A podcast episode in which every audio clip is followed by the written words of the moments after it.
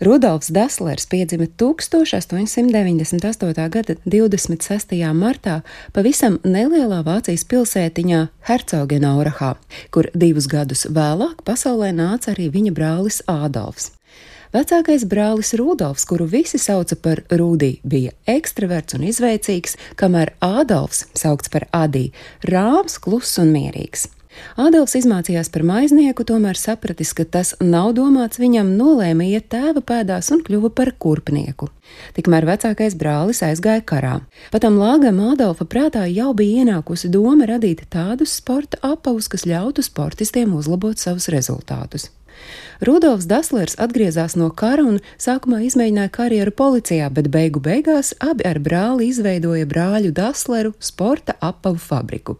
Tiesa pirmie centieni radīt sporta apavus notika mammas vannas istabā. Ādolfam bija ideja par sporta apaviem ar asumiem pie zolēm, un šo ideju par labu esam atzina tā brīža Vācijas olimpisko vieglatlētu treneris, un rezultātā ar šo apavu modeli Vācijas olimpiešiem izdevās tikt pie zelta 800 metru skrējienā, un tas deva milzu atspaidu brāļiem Dasleriem, kuru popularitāte pagājušā gadsimta 30. gados uzšāvās debesīs. 1936. gada olimpiāda, kas notika Berlīnē, kļuva par tramplīnu brāļu Dasleru pasaules slavai. Viņi vienkārši uzrunāja pasaules slaveno amerikāņu melnādaino vieglatlētu Džesiju Ovenu kļūt par viņu apavu vēstnieku.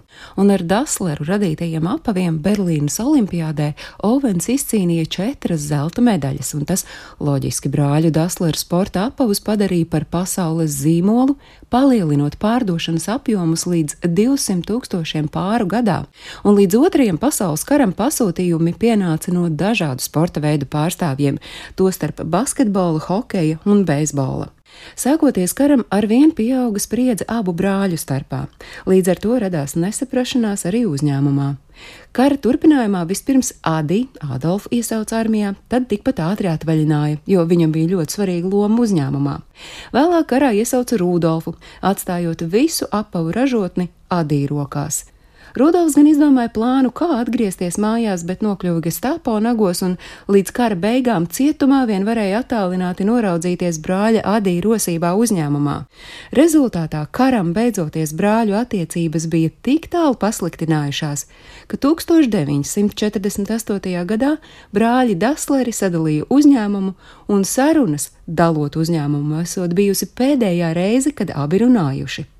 Adolfs paturēja Daslera apavrūpnīcu un divas trešdaļas darbinieku, kamēr Rudolfs ar saviem sekotājiem izveidoja savu apavu fabriku. Brāļi pārdēvēja savus uzņēmumus, un te gan jāteic, laimīgo lozi izvilka Adī, savienojot savu iesauku ar uzvārdu pirmo daļu, radot zīmolu Adidas. Rudolfs, kopējot brāli, izvēlējās nosaukumu Ruda, kam gan nebija lemts iedzīvoties, un tas ātri vien pārtapa par Puma, nu, lai izklausītos sportiskāks. Brāļu strīds turpinājās, sadalot dzimto pilsētu divās daļās, un vienu brīdi Hercogenauraha tika saukta par saliekto kaklu pilsētu, jo vispirms, izējot ielās, bija jānoskaidro, kura zīmola apavus tu valkā. Tā kā gandrīz visi pilsētas iedzīvotāji strādāja vienā vai otrā uzņēmumā, klīst nostāsti, ka abu uzņēmumu darbiniekiem bija liekts tikties un kur nu vēl precēties.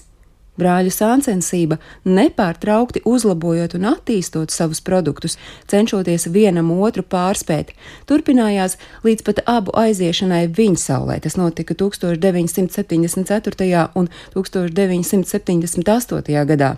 Starp citu, kapos viņi apglabāti pēc iespējas tālāk viens no otra un sāncensība starp uzņēmumiem turpinājās vēl gadu desmitiem. Abi ražotnes bija atstājuši saviem dēliem. Līdz 2009. gadā kompānijas darbinieki tikās futbola mačā, apliecinot, ka Puma un Adidas naids ir beidzies. Stāstīja Agnese Drunka.